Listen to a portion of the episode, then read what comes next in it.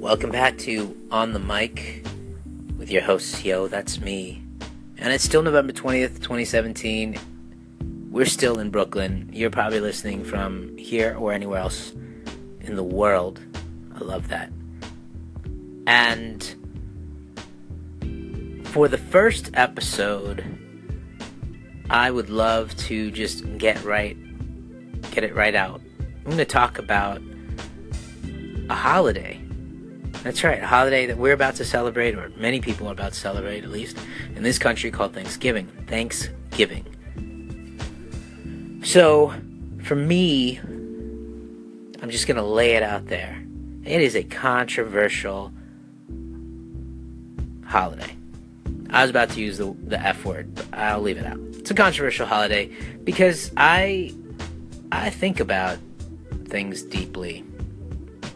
Maybe you do too. Do you think about things like holidays and and their history and their meaning? Because it's very clear that Thanksgiving is a holiday that needs some thinking and needs some reference and some really some clarity it's kind of like um, I mean, there's an elephant in the room. I think for most families during Thanksgiving. Now that does not have to be there because like anything where there's an elephant in the room, whether it be you know somebody in the room that you're like, hmm, I don't know about this person.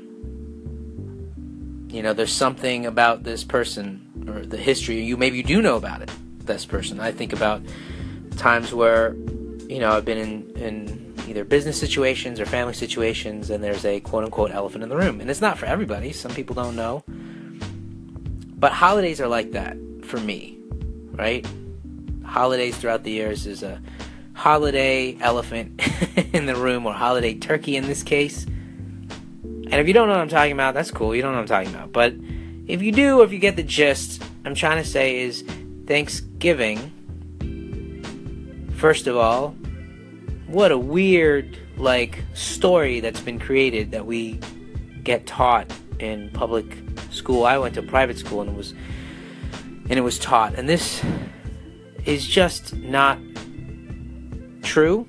Now, maybe that doesn't matter to most people, but you know, you holidays are based on in things like history, things that happened or didn't happen, and it's it's kind of crazy to think that you would celebrate something based on a lie or based on a um, a tale, it's kind of silly, you know. When you're a kid, you we you know we we celebrate Easter with the Easter bunny. I mean, at least if you're coming from the Judeo-Christian background, maybe another different background would be different, or not at all. Um, and for Christmas, at least for Americans and some immigrants, not all immigrants, because uh, Christmas is you know celebrated around the world in many many many countries, um, but sometimes celebrated on different days and sometimes not so much with a Christ-centric you know point of view.